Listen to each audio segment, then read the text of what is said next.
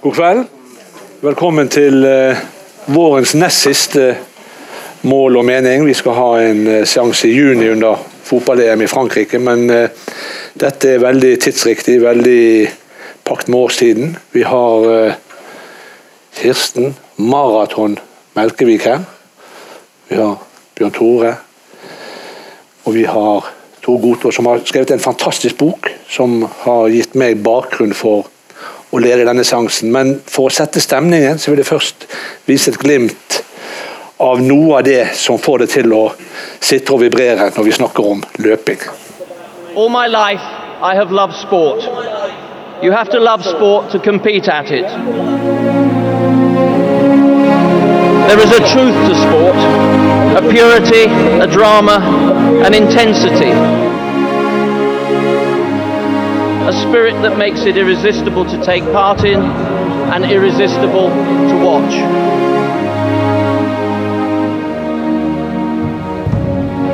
In every Olympic sport, there is all that matters in life. Humans stretch to the limit of their abilities, inspired by what they can achieve, driven by their talent to work harder than they can believe possible. Living for the moment, but making an indelible mark upon history.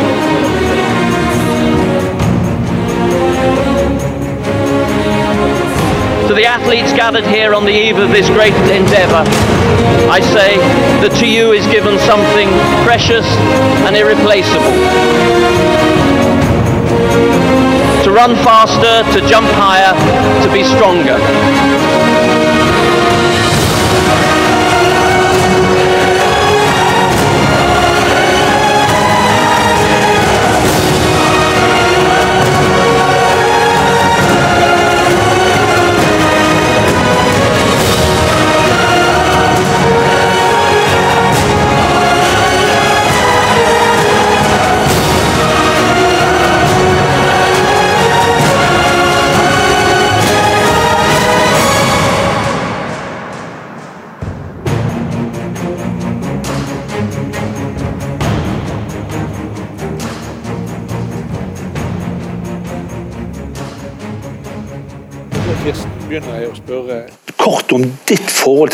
Hva er det ved løping som fascinerer deg, og som får deg til å vie ditt liv til løping?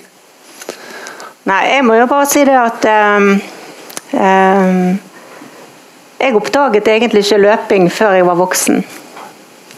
Um, jeg har alltid vært glad i å gå i fjellet og være vanlig ja, Jeg var kanskje ikke helt vanlig, men Uh, sommerferiene og alle ferier, det, det, var kun i fjellet jeg var. Oppvokst i fjellet omtrent. Sommerferie, vinterferie, høstferie, alt som var. Um, så fikk jeg barn, og da var det liksom uh, veldig slitsomt å gå med de ungene hengende rundt seg hele tiden. Så, uh, men jeg dro de med og gikk og gikk og gikk. og gikk og gikk. Så var det en eh, nabodame som eh, sa til meg du du går og går og går, kanskje du var med på en, en joggetur? Og Jeg tenkte det er herlighet, jeg 33 år. Nei, jeg kan ikke være med. Ja, jo, jeg blir med. Så jeg stilte opp med fjellsko og sykkelbukse og hadde ikke noe særlig mer enn det. Og løpte med denne naboen, og utrolig kjekt. Og jeg kunne følge henne på den turen. Og siste bakke opp mot huset, så ga jeg litt ekstra på og parkerte henne litt. Og så spurte jeg når skal vi ta neste tur. Syns det var utrolig gøy. Um, og så avtalte vi skulle løpe gjennom to dager. Og jeg stilte opp, men da kunne ikke hun. Så da var jeg ute og, og løpte. Og det var altså en sånn utrolig herlig følelse. Jeg følte at jeg kunne være meg sjøl. Jeg kunne jeg slapp å ha unger som drog og sleit til meg. Jeg følte at jeg, fikk ha kroppen for meg sjøl. Og jeg hørte fuglene som, eh, som kvitret, og kroppen som løpte. Og fikk kjenne hjertet slå. Og, nei, det var egentlig, og jeg ble egentlig utrolig Syns det var så deilig at jeg ble litt giret. Så jeg ringte plutselig til eksmannen min og ringte, sa jeg, nå er jeg på Flesland. Så han bare hva Flesland? Skal jeg hente deg, eller? Nei, nei, nei, jeg skal springe tilbake igjen.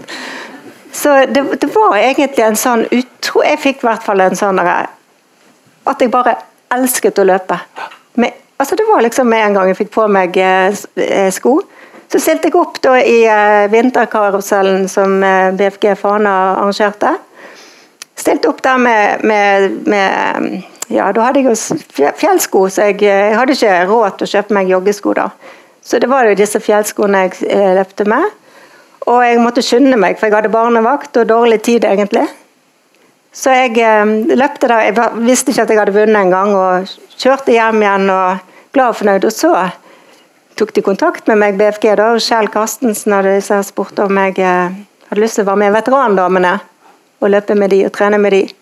Jeg syntes det var veldig spennende og tenkte gubba noe, ja, kanskje jeg skal være med der.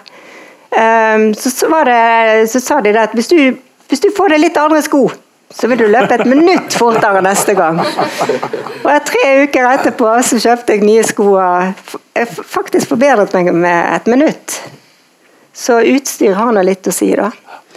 Um, så skulle jeg være med i veterandag, men det var veldig vanskelig å få det til å klaffe pga. mine to små barn. Og jeg hadde en mann da som var mye vekke. Så jeg var alenemor. Det var nok det som gjorde det litt spesielt med, med, at jeg kunne ta fatt beina mine og få kroppen og tiden for meg sjøl. For det å gå på kafé og sitte med venninner og drikke kaffe, jeg syns det er hyggelig. Men nei, løpingen og den kvalitetstiden jeg fikk for meg sjøl, den var 100 ganger bedre. Så jeg var litt sånn ensom svale, men samtidig så syns jeg det var utrolig, utrolig godt. Men veterandamene de så jeg ikke flekken av. Jeg løpte selvfølgelig litt for fort, så jeg tenkte at det var ikke vits selv å gå på de treningene der. Sant? For å være litt sosial. Så ble jeg med i eh, elitegjengen til, eh, til BFG.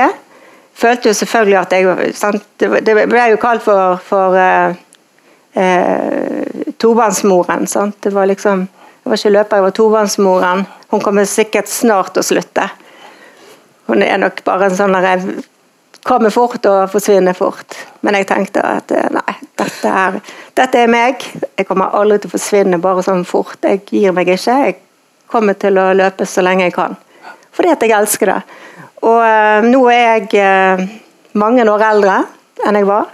Og jeg må bare si at uh, jeg har lagt opp min karriere som, som profesjonell løper. Nå er jeg mosjonist. Litt mer enn mosjonist. Det kommer jeg til å være så lenge jeg kan. Jeg kommer til å løpe så lenge jeg kan. Og um, jeg tror at de som ikke elsker å løpe, de som ikke liker det Når de legger opp, så tror jeg at de er ferdige, og da gidder ikke de å løpe eller noe. Og mange lever et helt annet liv enn de har gjort. Så jeg tror at de som virkelig elsker det med løpingen og bevege seg og sånn, de fortsetter med det så lenge de kan. Du nikket mange ganger under dette innledende innlegg, og kjenner deg igjen i, i, viktige deler av det?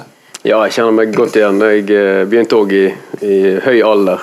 Litt yngre enn hun var, men eh, allikevel i høy alder. Jeg var vel 27 da jeg startet. Og jeg gjorde jo det mest for å Ja, jeg fikk et spark i ræven rett og slett av min farmor.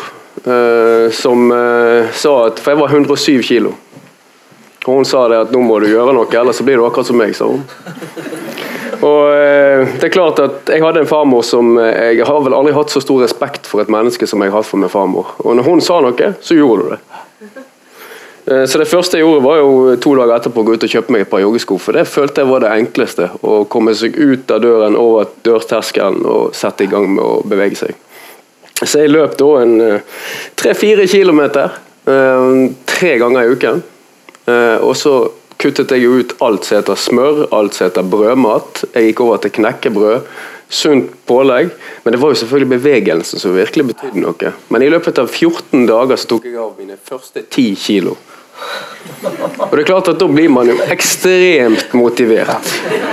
Du går fra 107 til 97 kilo på 14 dager.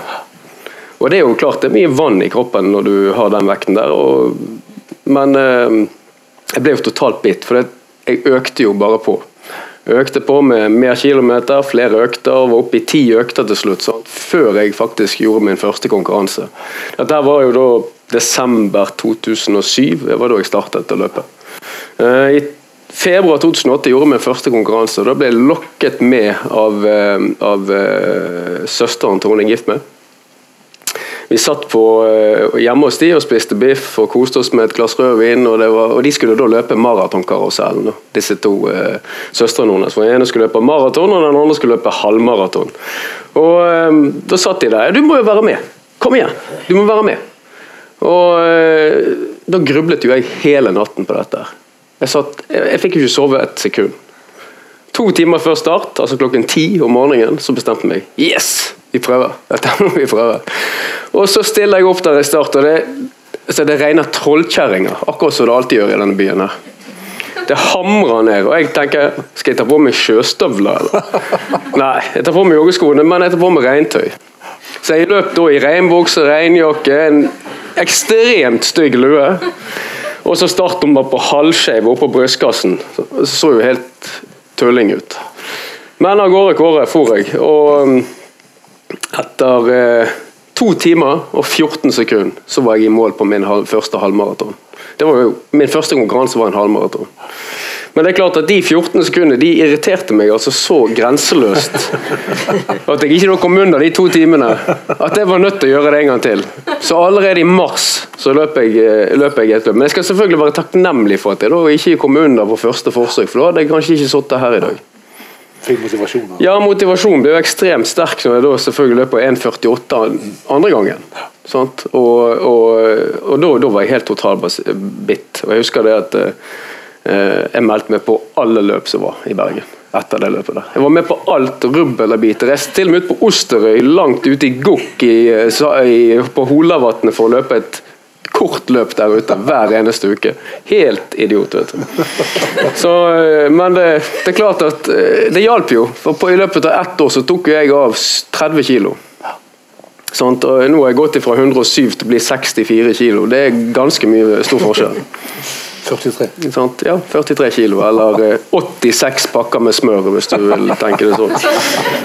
Det, det ja, det, det, er klart det. Men det, det, stoppet jo selvfølgelig ikke der.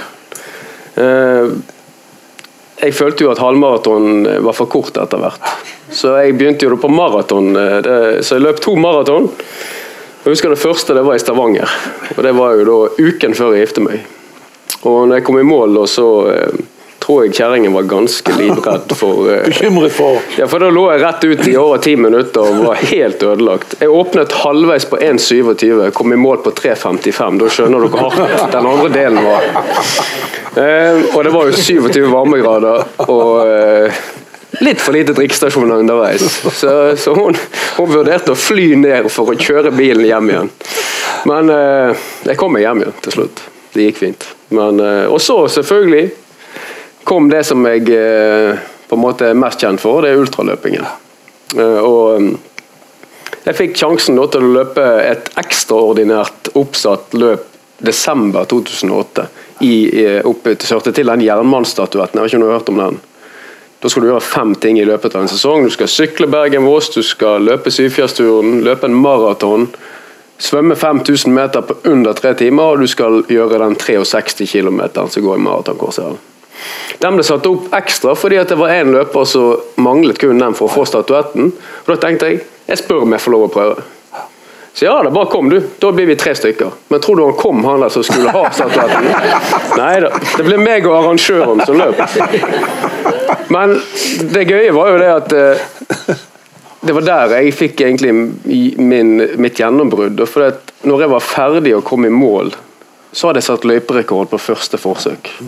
Og Da skjønte jeg at det er dette du må satse på. Jeg tok en løyperekord.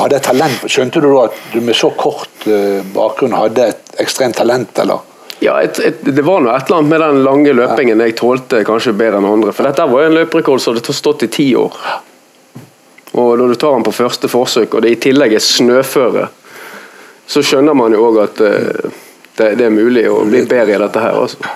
Det er klart at jeg løper jo jeg løper fem timer og ti minutter, 63 km. Men den rekorden er ganske mye bedre nå, for jeg har jo forbedret den til 4,22. Som er en time, altså. Ja.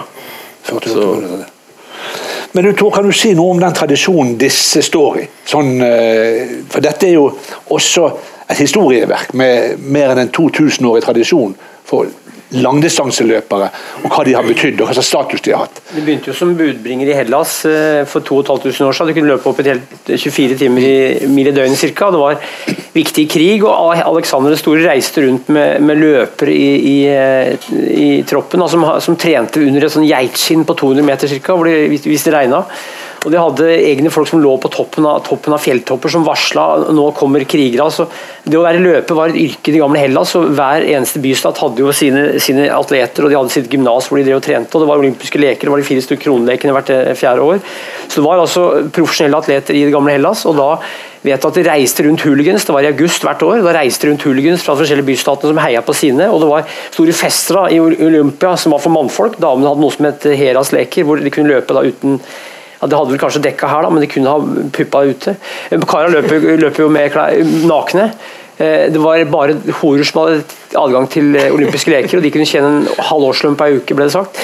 Eh, så, så det var altså et system i det gamle Hellas som spredde seg utover den greske verden vi har det i Egypt før og delvis, men ikke så mye. Og vi har det i Irland. for da jeg var, skrev boka, så var jeg i Irland, og de sa at eh, grekerne har kopiert olympiske leker fra oss. For det var noe som het Tailteam Games i Irland. Så det var utover den siviliserte verden for 3000-4000-5000 år siden så var det idrett og løping. da. Eh, delvis i det gamle Sumer så var løpere de som holdt byråkratiet sammen. altså De var bud, løpende bud og løpende overvåkere. Så løping er det, og De sier jo det forskere at eh, når mennesket da bodde i trærne, da, vi, vi, er jo kommet fra apekatter kanskje, så hoppa vi ned på savannen og så begynte å løpe da for for å fange antiloper. og, og Gorillaen er rask, men den er ikke så langdistanseløper som oss. så Vi er altså i slekt med eh, Vi, vi, vi kan løpe en antilope. da, sånne Buskmenn i Kalahari-ørkenen kan løpe en antilope hvis antilopen da eh, blir dehydrert. Så vi har ekstreme egenskaper. De kan løpe ned hester. Eh, så, så, så, mennesket er godt egnet for å løpe langt, og vi produserer jo dopamin og endorfiner og sånn. Så, så, så, det er sannsynligvis en egenskap vi har, da, for at dess lenger vi løper, dess mer behagelig er det. Så da får vi fanga et dyr, og så overlever vi. Det er et eller annet der. Så det er naturlig for mennesker å løpe? Jeg tror det, ja. Altså, du ser, en unge, unge, unge, går ikke, en unge løper. Ja. En unge lærer seg å gå, men den løper først. da. Men er det naturlig da å, å etablere konkurranse i løping? Eller er det like mye til vederkvegelse for sjelen, eller for å holde seg nede i vekt, eller for det med konkurranse, det å være raskest fra A til B, det, ligger det i noe sånn grunnleggende mennesker? De har drevet med det alltid? Jeg tror det. ja, de Olympiske leker hører om først til 776 for Kristus, men det regner med at det var før. og Da var det én sprint, altså 192 meter, én stade. Det var en teppelig premie. Var, og så, så var det att og fram. altså Det er nok naturlig for mennesker å konkurrere. og vi vet at uh, i, i, Egypt så måtte faraoen bevise at de kunne løpe en bestemt strekning for å vise at de var karer. Det var en som løp til han var 93 år, Ramses. Uh, eller noe sånt, så, så det er nok naturlig å konkurrere for begge kjønn, tror jeg. Og særlig for gutter, for det her var jo en del av krig. Altså, soldater skulle være gode løpere. De løper bokstavelig de løper inn i krigen. Så, så, så du kan tenke deg at uh, mennesket er jo et løpende, gående vesen. og vi, vi, Det fantes jo ikke biler og sykler før for, biler for 100 år siden, sykler for 200 år siden. Så, så vi, er, vi, vi, har veldig, vi har gått og løpt mye mer i historien enn vi kan tro i dag.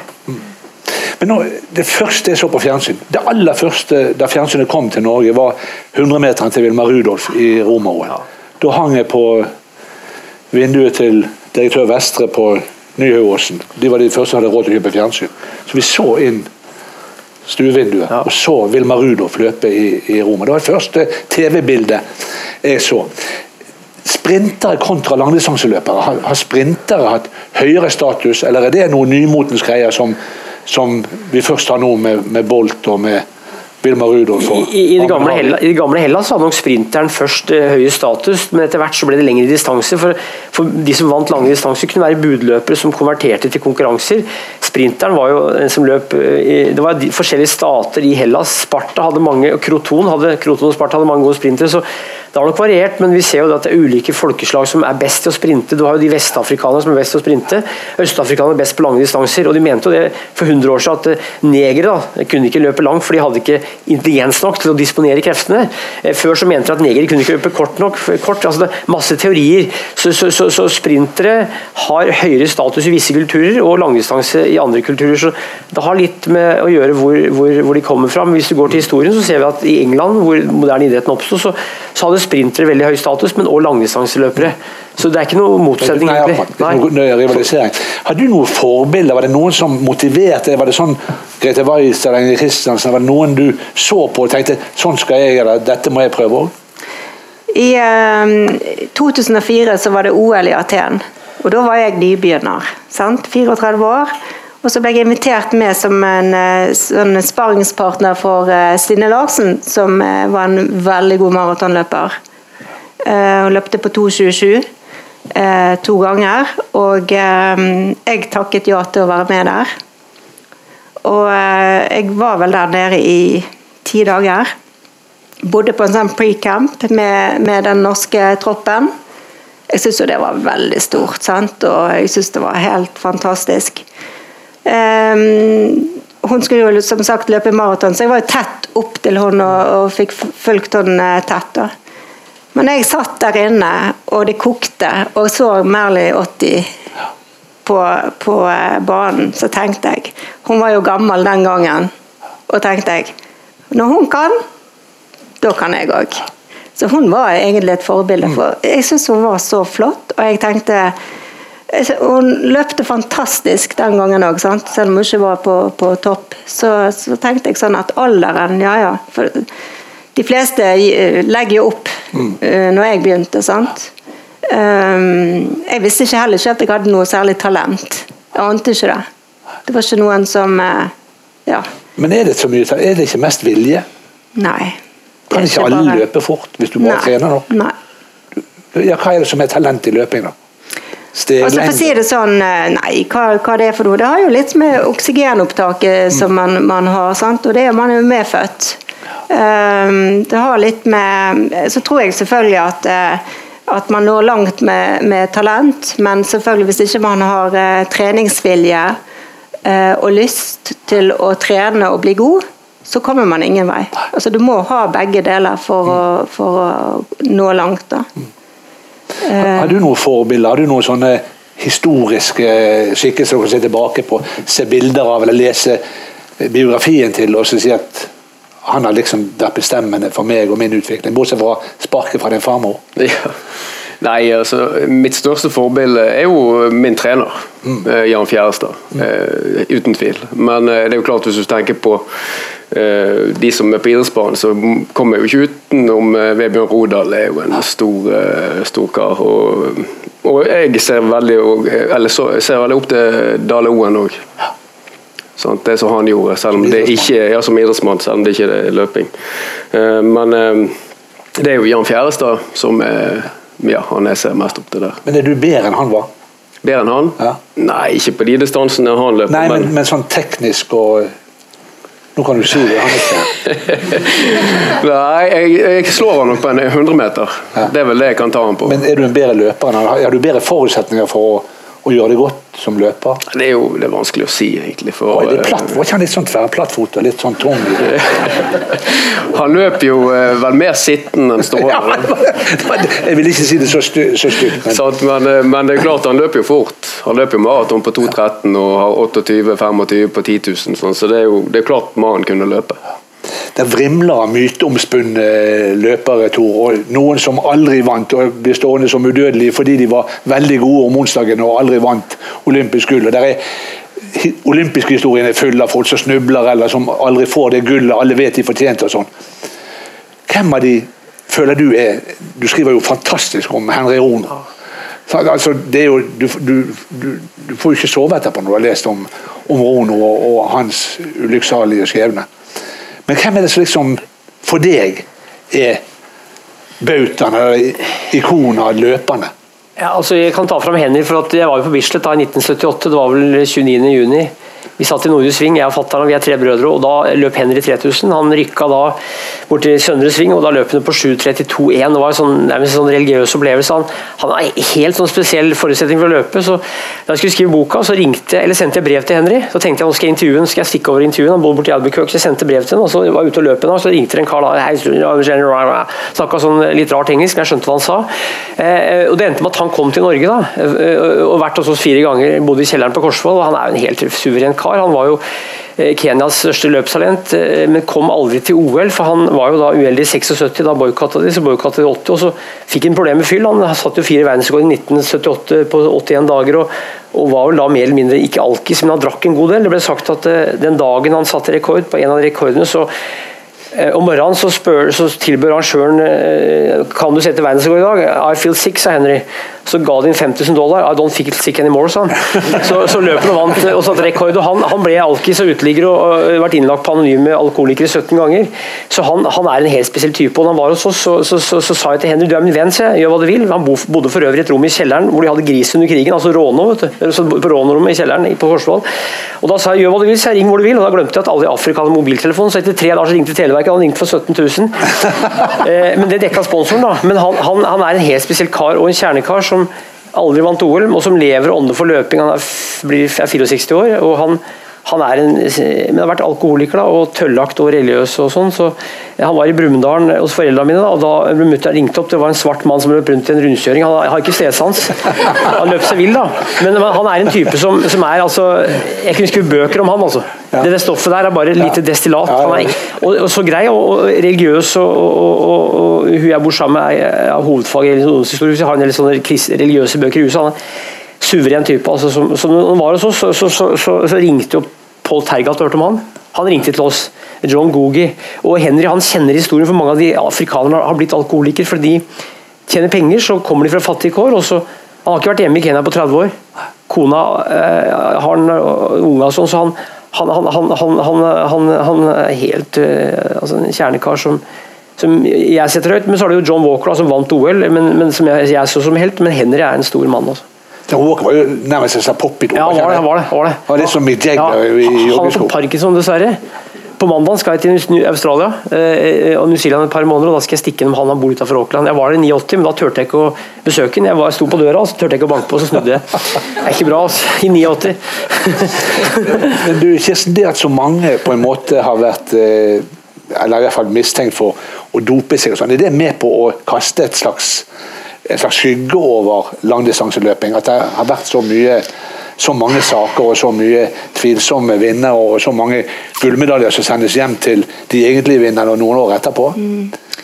Altså, eh, det har, jo, det har, jo, vært mye doping eh, gjennom tidene, selvfølgelig. Sant? Eh, men jeg har alltid hatt den innstillingen at de jeg, altså hvis jeg skulle gått og tenkt på at alle doper seg, så tror jeg jeg hadde mista litt motivasjon. sånn. Jeg har tenkt sånn at alle som står her på startstreken, de er rene. Hvis ikke du har den filosofien der, så tror jeg du kan bare glemme å konkurrere. altså.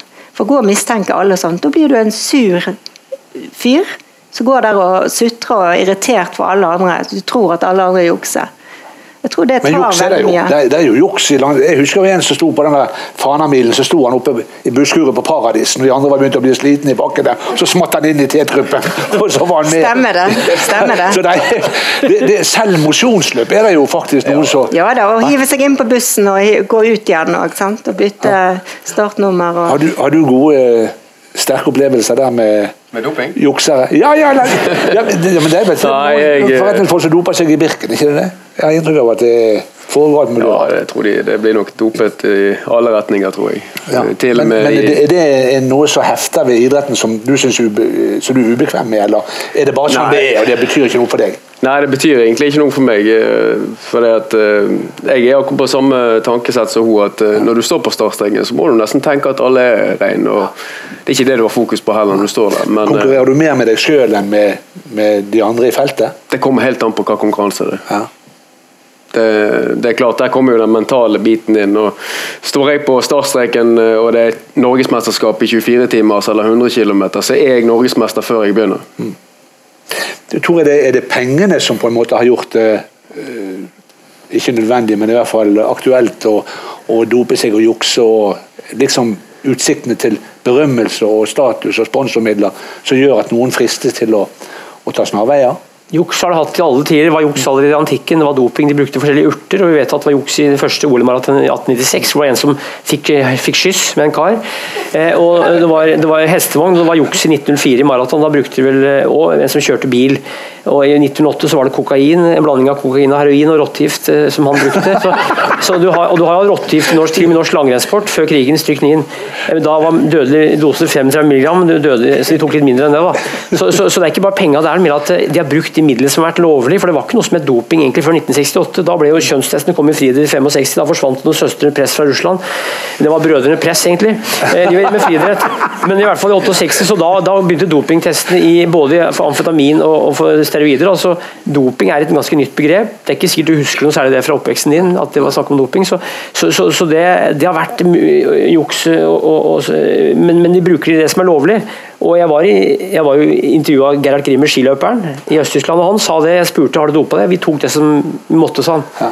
Og, så De brukte det østtyske systemet. I USA, så var det, jeg bodde i USA òg, masse doping der òg, på high school-nivå i friidrett. Vi sto og sniffa kokain før en 800 meter, som jeg var med på. Eh, ikke jeg, da, men noen jeg så. Jeg var med diskos da, for øvrig. Eh, jeg var med i stevne. Så, så, så, så, det har vært masse doping i, i idretten. og I Vesten var det da mer privat, i Østen var det systematisert gjennom staten. så eh, det, er nok, Jeg tror personlig så tror jeg at kanskje den eneste rekorden i friidrett for menn da, som er satt av en dopingfri utøver, tror jeg er tresteg. Så tror alle, Det er min personlige tro, da, men jeg vet ikke om jeg har rett i det. Tresteg, han engelskmannen, er mer kristen enn Kristen Skjelldal, så han tror jeg ikke har dopa seg. Ronald Edwards. Ja. Men, men, når du tenker på fordømmelsen, amerikanernes ja. fordømmelse av statsamatørene i ja. Sovjet og det der, mm. og så at de sjøl da holdt på, om ikke like systematisert og like statsautorisert, men de drev med samme regelbrudd og samme juks og samme gjennomsyrede, eh, bedritne idretten. Det, det, er jo ganske underlig at de har tålt den retorikken den fordømmelsen når de sjøl jukset. Det var en del av den kalde krigen nå, vet du, fram til 90, så det var jo øst mot vest. og i USA så var det ikke noe, ikke noe holdninger mot doping, sånn som jeg opplevde det. Eh, det samme er det da i, i øst. så så, så, så ideen, det, Norge er ganske uskyldige. Her er jo Revenka idealet. Så vet vet åssen Revenka var. Hoppa rundt og sånn. Så, så, i Norge så har vi et eh, Sverige og delvis, tror jeg, et sånn ideal om at vi skal ikke jukse og gjøre noe som er gærent. Og Det har nok vært blant mange andre land òg, men, men, men, bare til Finland så ser du en helt annen holdning til det med doping. Jeg var og forska der, og da sa de de bare lo av oss når vi sa at de ikke har dopa i norsk langrenn f.eks. Altså bare lo de av oss.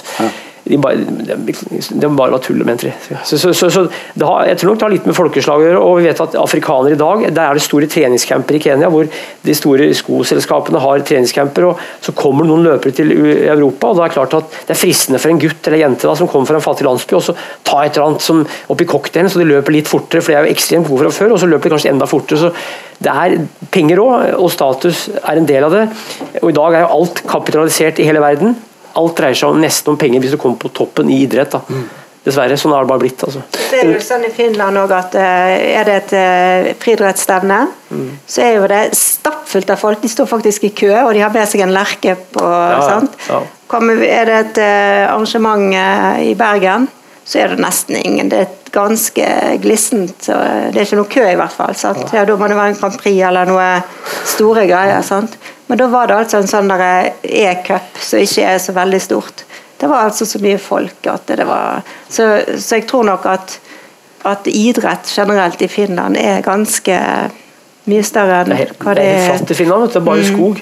Norge har jo fjorder og fjell og 17. mai og fine damer og sånn. Norge er helt flatt. Det er ganske mange fine damer i Finland. Jeg syns det, jeg er enig, enig. Men altså, det, Finland er så Det er liksom bare skog der, og, og sånne typer som skuler på hverandre. Så fra gammelt av så var Finland et land som produserte mange løpere fra folkedypet. da, Sånne store søskenflokker på 10-15 søsken, hvor det var den her hardheten og sisuen du skulle tåle. Eh, den der Sisun var jo langdistanseløpinga i Finland, og de mente jo det for 100 år siden at finnene hadde spesielle egenskaper på 20-tallet for å løpe, akkurat som afrikanere tillegger sånne egenskaper i dag. Mm. Så det ble sagt at den finske folkekarakteren og Sisun eh, Men det var jo at de trente mest og best og var ivrige og var veldig nøysomme, fattigste folk. Magre typer da, som levde på rugbrød og kumjølk og, og, og litt mer sånn enkelt. Men var det Siveren dopet? jeg har ikke spurt den. men, men ligger det i kortene at uh jeg, jeg, vil ikke si noe, for jeg vil ikke siteres på noe, men, men uh, hvis du vinner jeg, jeg, vil ikke si noe, men du kan si at eh, det er nok mange som har klart å ta OL-gull uten å være dopa i løping. Men det er nok mange som har vært dopa òg, tror jeg. Jeg vet ikke, altså. Men er det en del av miljøet? Det, merker du det at, eh, at eh, tilbudet eksisterer, at det er bakmenn, at det er en kultur for det? Nei, ikke, ikke i ultraløpermiljøet i hvert fall. Ikke? ikke noe som jeg har lagt merke til i hvert fall. Så, så, det er galt med noen kroppsbyggere og de som fjerner kroppen? Ja, du så nok hva skjedde gjerne med fitness. Ja. Så, men, men du, du, føler ikke at det er en del av det som, eh, som Nei, hvis, hvis Munkholm er doping, så så er det vel det.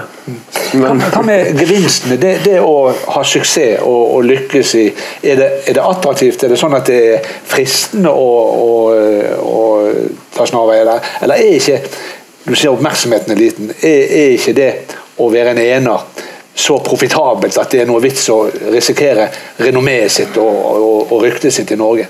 Jeg, jeg, jeg, tror jo det at, at den den indre driven, eller den, uh, den er altså Har du ikke den i deg, sant? og det der å, å, å, føle at jeg har prestert, jeg har faktisk trent, jeg har klart å gjøre sånn og sånn og sånn.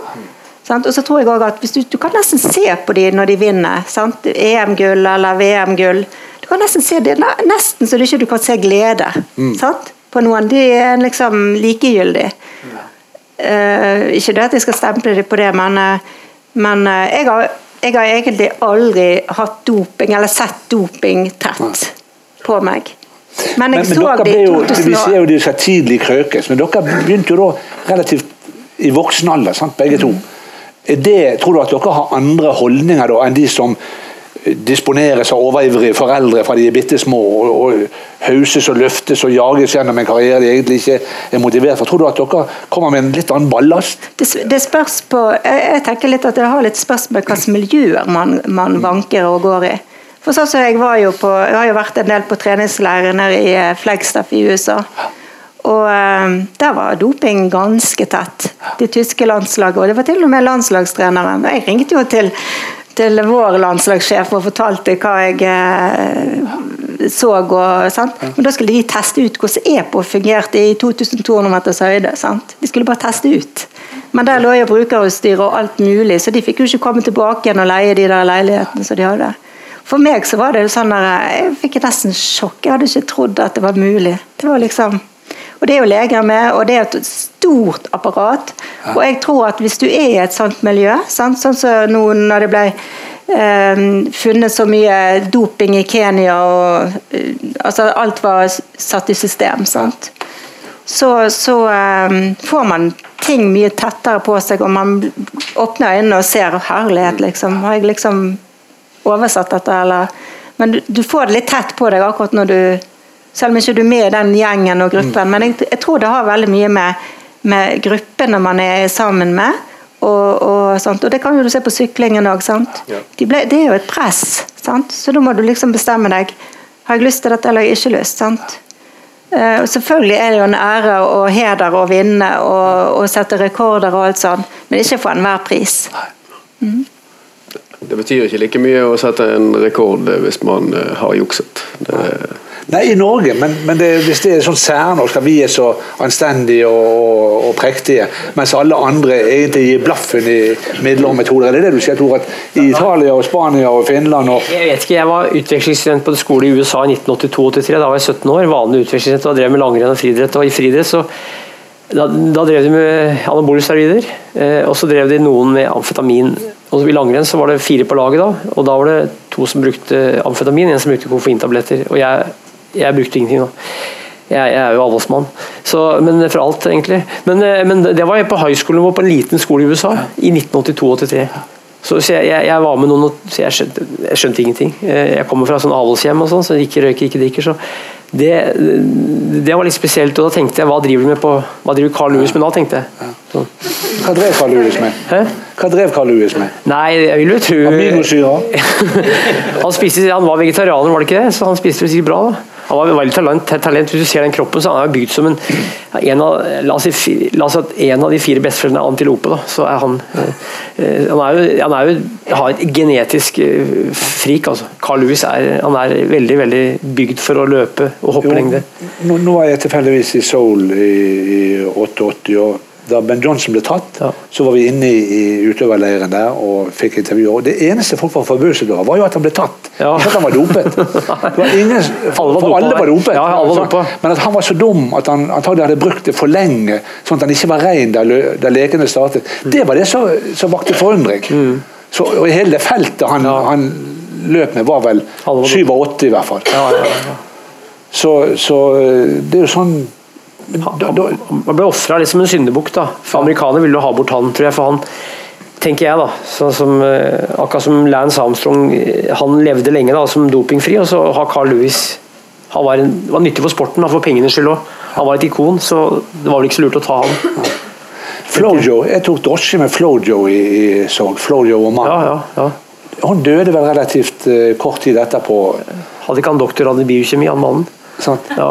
Så, så eh, Nei, det, er en høy sånn. pris, men, men det virker som om i noen land så er man villig til, for å oppleve Statsbengel Banner og det å ta gull, så, så er det faktisk verd en tidlig død. Jeg var, var i Øst-Tyskland i 2013 og, og samla stoff til den boka om femmila som kom i 2013. og Da var jeg sammen med Grimmer og så var jeg sammen med noen østtyske idrettsfolk. og Da snakka de om folk som har skifta kjønn. da, eh, Friidrettsfolk. Altså, som, altså statsdoping da, i 78-åra. Så, så det, var, det var ganske ille i Øst-Tyskland. altså. Ja. Du, som, som eh, Det du har gjort, og det du har gjort for så vidt, er jo å være en slags rollemodell, sette en standard, vise at dette er mulig. Den, er det en, en eh, ubehagelig bieffekt av eh, løpingen, eller er det ok å føle at liksom en annen overvektig kan tenke at ja, kan han, så kan jeg. Eller en annen godt voksen tobarnsmor med eksmann på Flesland kan si at eh, kan hun, så kan jeg. Det- Er en side ved det som, som virker forpliktende eller ubehagelig?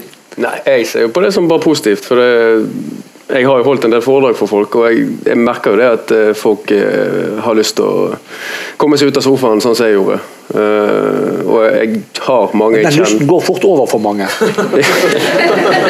Ja, men du må følge de opp, da. Sånn, Jeg lager jo òg treningsprogram for folk, så det, alt handler om det. Men, men uh, hvor viktig er da vekttap, fremgang og resultater uh, for å bevare motivasjon og lyst til å For det er jo drepende kjedelig å jogge gatelangs. Nei, altså, det er jo viktig å sette seg et mål. Ja. Altså Sette seg et mål om at uh, enten så skal du f.eks. løpe Bergen City eh, fem km, eller du skal kanskje løpe halvmaraton. Så du må ha et mål. Ja. Uh, da tror jeg det er lettere å Og seg. noen enkle som er rekkbare. Ja, som, er, som de kan klare å rekke. Eller ja, komme Ja. opp til. Ja. Helt klart. Det, det, det har jeg stor tro på, i hvert fall. Og da vil jo motivasjonen vare lenger. Men hvis du da ikke har talent, og du ikke går ned i vekt, og du eh, står på stedet hvil og, og syns at eh, det der løsvektsnopet til 290 er ganske Hvordan eh, stopper du de tilbøyelighetene til, til tilbakefall og Nei, da, altså, de må jo ville det sjøl. Altså, det er jo den Ja. indre viljen, den betyr jo egentlig mest.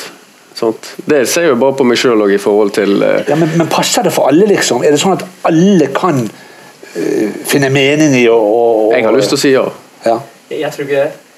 Jeg tror ikke det, altså. Jeg tror løping er for, for, for egentlig for alle, hvis du tenker fra grunnen av når du er små, men så er det en del som utvikler seg eller innvikler seg sånn og sånn, så er det klart sånne som, som kan bli så slanke som de her er, for det er ikke alle som kan bli så slanke. Så tror jeg, sånn som vi ser at kenyanere har en naturlig løpsøkonomi som er veldig bra, på lange løp, så jeg tror ikke alle, hvis du tar folk fra Fiji da, og folk fra Kenya og ser på de, hvis du vet hvordan fijianere ser ut, eh, 1,80 så veier de 95 kilo og er skrapa, så det er klart noen egner seg bedre til å sprinte og løpe langt, så jeg tenker, at, eh, jeg tenker at hvis folk ikke kan løpe, kan de gå eller sykle. eh, Komme seg opp eh, fra sofaen. Eller, noen har jo, sånn som meg, liker å elske å løpe, men det er ikke alle som gjør det. altså. Virker på meg, da. Men Kirsten, er det, ikke, er det ikke veldig ensom greie, selv om du kan løpe med de andre i, i veteranpartiet? der, Er det ikke en, en ensom eh, For meg er det helt umulig å, å klare det. Jeg må gå på fotballtrening, altså. Jeg klarer ikke løpe mil etter mil. For meg er det, men det, med disse lårene Dette er, ikke liksom noe aerodynamisk eh, kropp. Nei, altså Jeg må jo innrømme det at eh, når jeg, når jeg eh, satset på maraton og løpte maraton, så var jo det knallharde maratonøkter jeg hadde. Jeg trente faktisk fem, fem eh, harde økter i uken. Og noen dager hadde jeg doble økter, og jeg, jeg hadde ofte Jeg løpte fem kilometer på forskjellige tider. Men eh, og så eh, hadde jeg fire sånne med ett minutt pause mellom for å måle laktat, eller for å se hvor mye melkesyre jeg hadde. Sant? Og den hadde jeg hver eneste uke, akkurat den samme økten. Og sånn, og jeg fikk jo ingen med meg. Det var jo ingen som kunne være med og løpe i den farten jeg skulle ha. sant? Nei. Det var jo 3.30 fart, og 3.25 fart og 3.20 fart. Sant? Og, og ehm, så da, Noen ganger så hadde jeg noen med meg på sykkel. og sånt. Så du blir, jo, du blir jo litt sånn ensom. og han eh, ene treneren min han sa du vet hva, nå må du roe deg ned, for det, nå er det ingen som er med her. Så tenkte jeg nei, men da gidder jeg ikke være her lenger. For For at jeg ville bli bedre. sant? Jeg, ville, jeg har alltid blitt sånn eller jeg har alltid lyst til å bli bedre. sant? Man har jo det. Man har liksom eh, en drøm om å løpe sånn og en drøm om å løpe Og jeg tror det er det som holder motivasjonen oppe. Det det At du får bekreftelse underveis. Ja.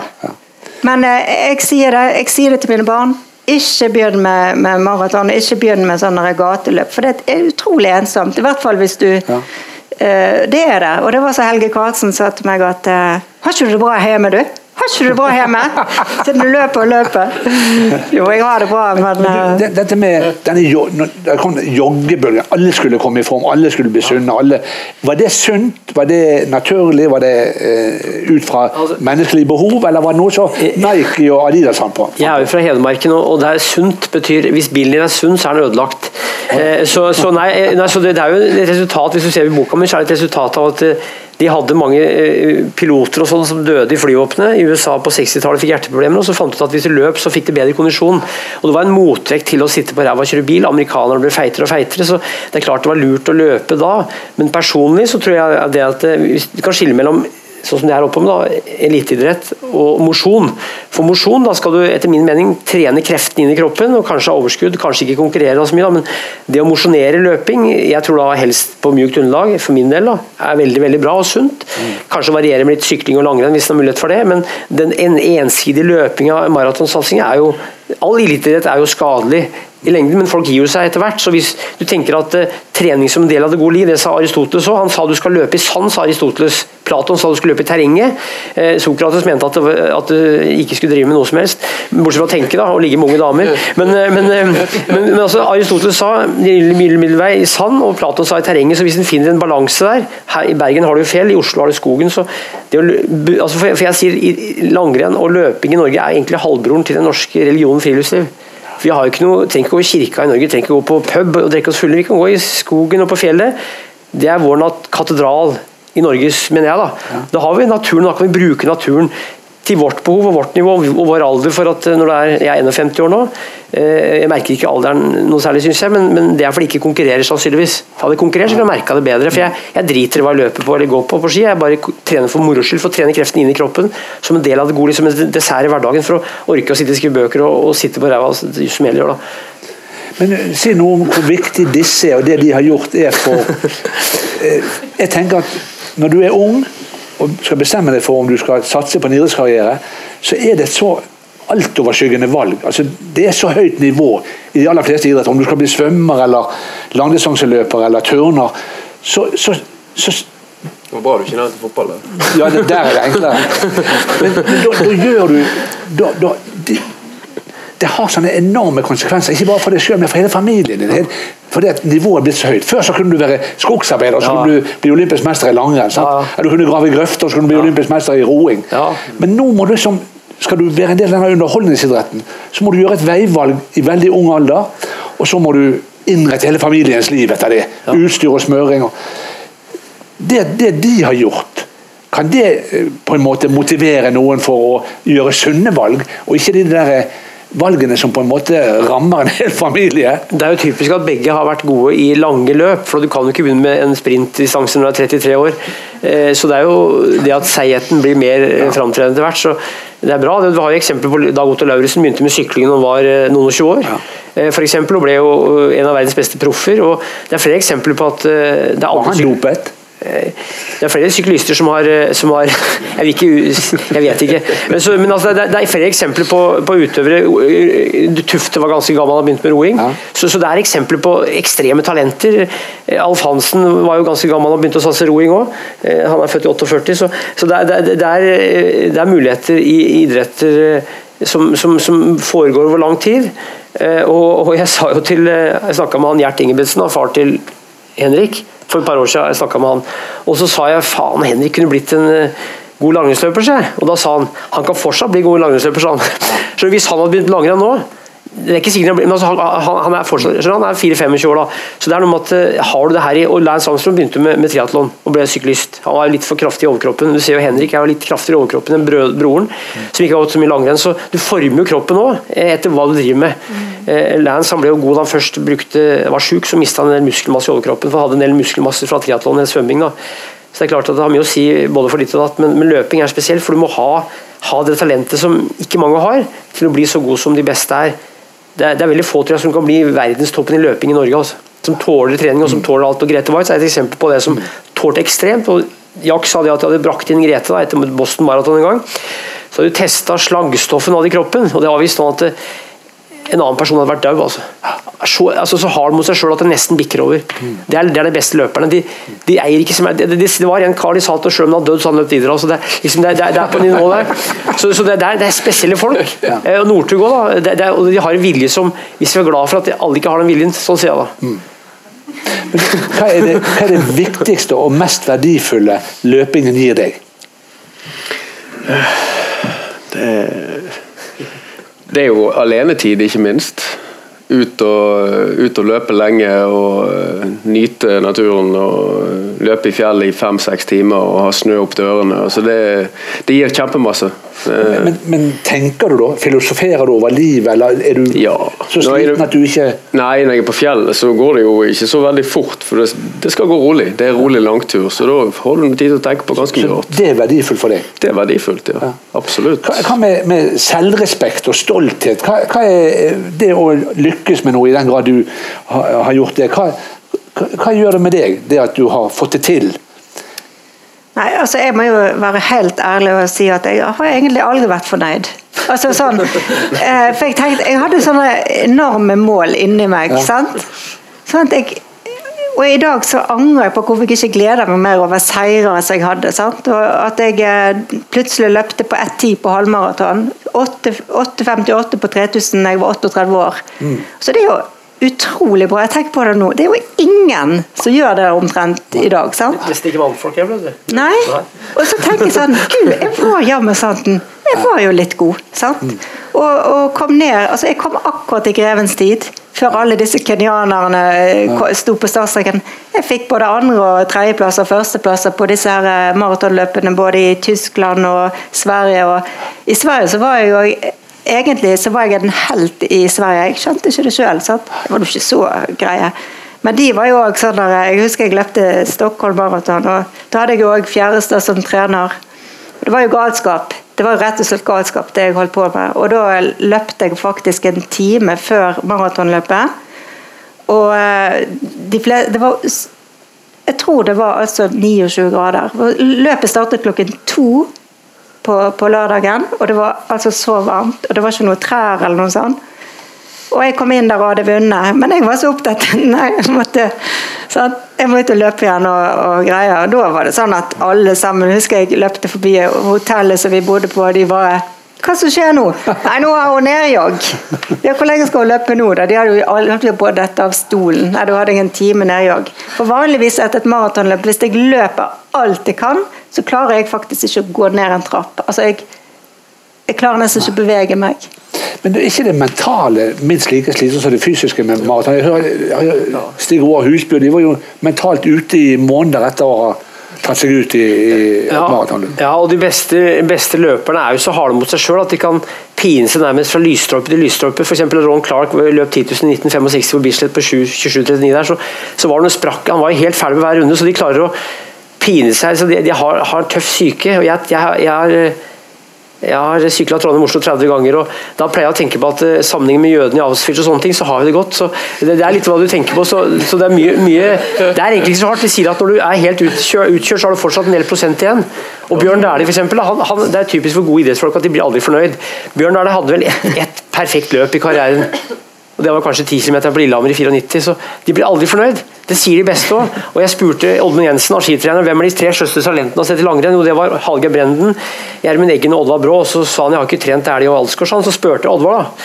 Ja, Oddmund sier at, at, det var stort talent, så sa Oddvar ja, jeg tror kanskje at jeg hadde litt talent. sa han. Liksom, tror kanskje at han hadde litt talent. Så, det, så, så de beste blir aldri fornøyd. Derfor er de best. Så enkelt er det. Martin Jonsson, de skal alltid bli bedre. Mm. Sånn er det med forfattere og det. Mm. Tenk du noe Aldri fornøyd. Ikke bra. Lurer du noen gang på hvor langt du kunne drevet det hvis du hadde begynt med dette da du var ung? Da du var gutt? Det er ikke sikkert jeg hadde løpt nå hvis jeg hadde begynt tidligere. Nei, nei, det men, men, det er jo akkurat det at uh, den ultraløpingen som jeg baller med, der du løper 24 timer i ett strekk Det er jo klart at um, jeg tror Hvis jeg hadde begynt tidlig, så er det ikke sikkert jeg hadde klart det. Nei. Jeg tror det er en fordel at jeg begynte seint. For ja, okay. det at uh, kroppen uh, Ja, det, det, tar jo på en kropp. Du tenker ikke at Hvis du hadde vært med i Lilleputt og smågutt og gutt og løpt 800 meter, så kunne du vært en internasjonal superstjerne? Jo, jo. Du tenker aldri det? Ja, men eh, jeg er jo på vei. Ja, jo, men du tenker ikke at du Det er jo, uh, i, i, i, 2015 så hadde det femte beste resultatet i hele verden i 24 timers, med norsk rekord. Og da vet man at man er ganske nær målet sitt. Ja. Men jeg tenker på, det er andre øvelser eller distanser med høyere status. tenker jeg, At du, at du kunne drevet det til noe på, som 1500-meterløper? hvis du bare... Jo da, jeg hadde jo sikkert uh, vært en bedre 5 km-løper enn bedre 10 000-meterløper ja. hvis jeg hadde startet tidligere. Ja. Sånn, for det har jo noe med fart å gjøre. Ja. Uh, for uh, å begynne å få fart i en alder av 28-27-30 år, det, da begynner farten å bikke vekk. Sant? I forhold til hva den er på når du er 18-19-20. Det er jo helt klart. Er dette noe å anbefale mennesker å drive med uh, løping? Eller må du være så spesiell uh, i toppetasjen at uh, det ikke passer for alle? Det passer selvfølgelig ikke for alle. Det, det gjør det ikke. Hva, hva slags psykiske egenskaper må de til til en, en Nei, altså Denne dør, dørstokk Dørstokken den er jo tøff for mange. Den er tøff for topp idrettsutøvere og tøff for alle sammen. Det er, det er Noen ganger det er beintøft å komme seg ut. Det hagler ned og Eller familien skal spise, da. og si at det er selskap. Kan ikke være med, jeg, må, jeg skal løpe Jeg må trene sånn og sånn. Man, man, gir jo glipp, altså slipp på mange ting i livet. Sant? Man må ta, liksom, prioritere skal jeg dette eller skal jeg ikke. Det er jo familieråd. Det må jo opp i, i familie og hjem. sant? Jeg kan nok kanskje løpt både fra både mann og barn, sant? men, eh, men Ja, man får ekstremt dårlig samvittighet. Ja. Uh, det, men så er det det der å, å ta igjen. sant? du, du, skal kanskje trene økten din klokken fem om morgenen fordi at du skal spise frokost med resten av familien. Ja. Og de orker ikke vente, for det går jo et par timer. sant? Men, men er ikke forsakelsen en veldig viktig del av mytedannelsen? Altså for, for bildet vi har av alle disse store Satopek og Machopost, alle de store. Ikke det at de har gitt avkall på noe, at de har ofret noe for å bli gode. ikke det litt, litt av det som gjør de mytiske? Jo, også hvis alle kunne blitt det, så ville jo alle klart det. Så Det, ja. det, det kreves ekstra. Å løpe langdistanseløping er ekstremt. For det, friidrett, baneløping er rundt og rundt. Det er jo monotont og ganske kjedelig, vil mange synes. Så, så, det er jo de, de største viljefenomen Satopek er jo et viljefenomen. altså. Så, så det, det, er, det, er, det, at, det, at, eh, idretten, særlig mannfolk, er jo som gorillaer. De skal bli bedre og bedre. Eh, og, og, og damer òg, for øvrig. Men, men, det er kanskje ikke så ille, for det er ikke så mange eh, Det har ikke vært en så lang tradisjon historisk sett for å være langdistanseløper for damer. Det er jo noe som er ganske nytt siste 30-40 år. 40 år.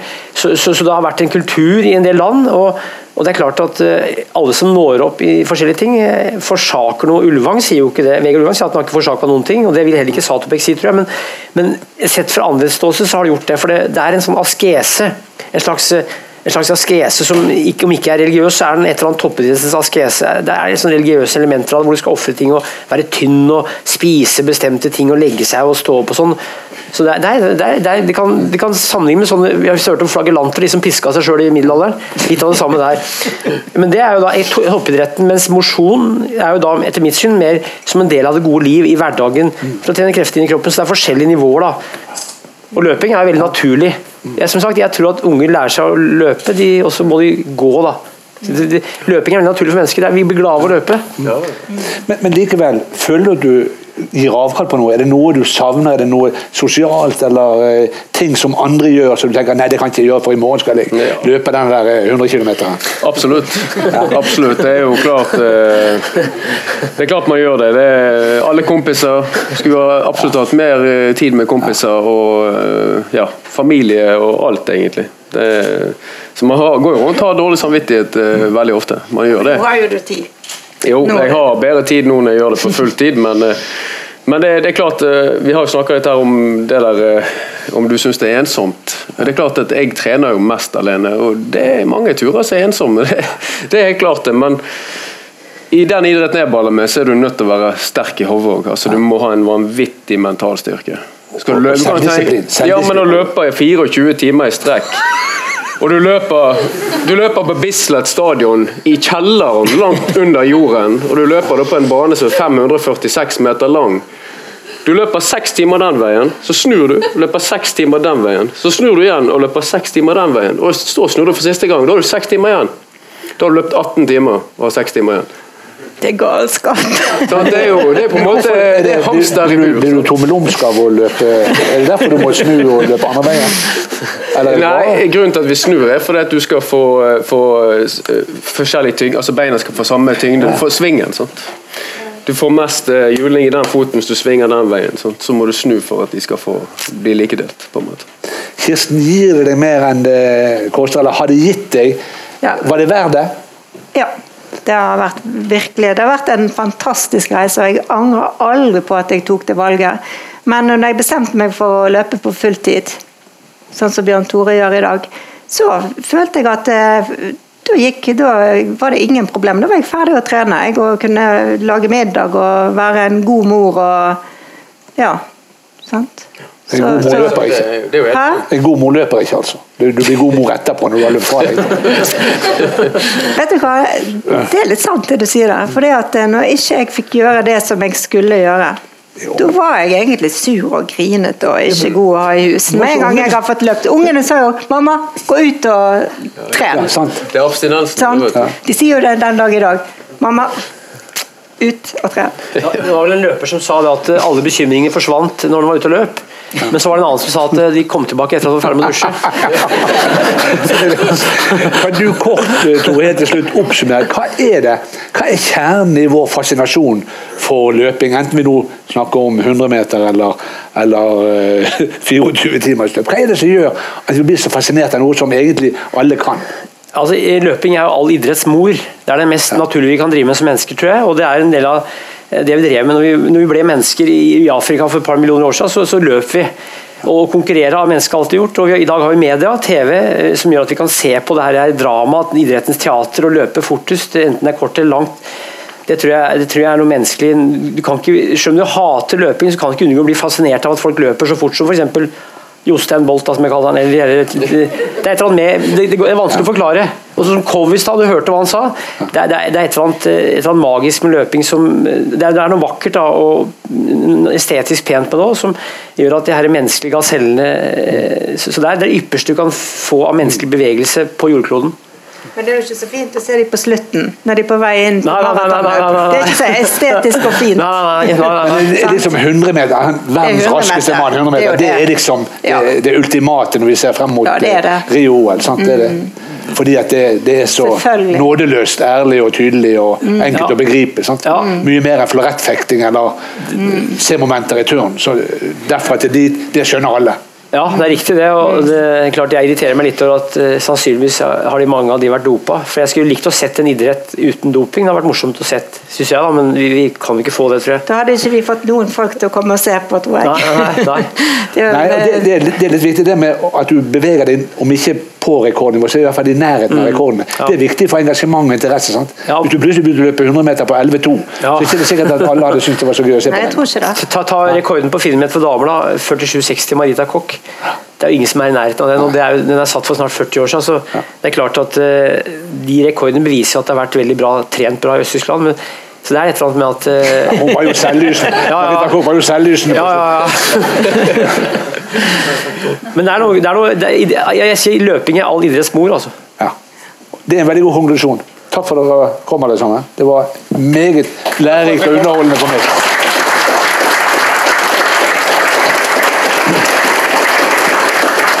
Og takk til dere.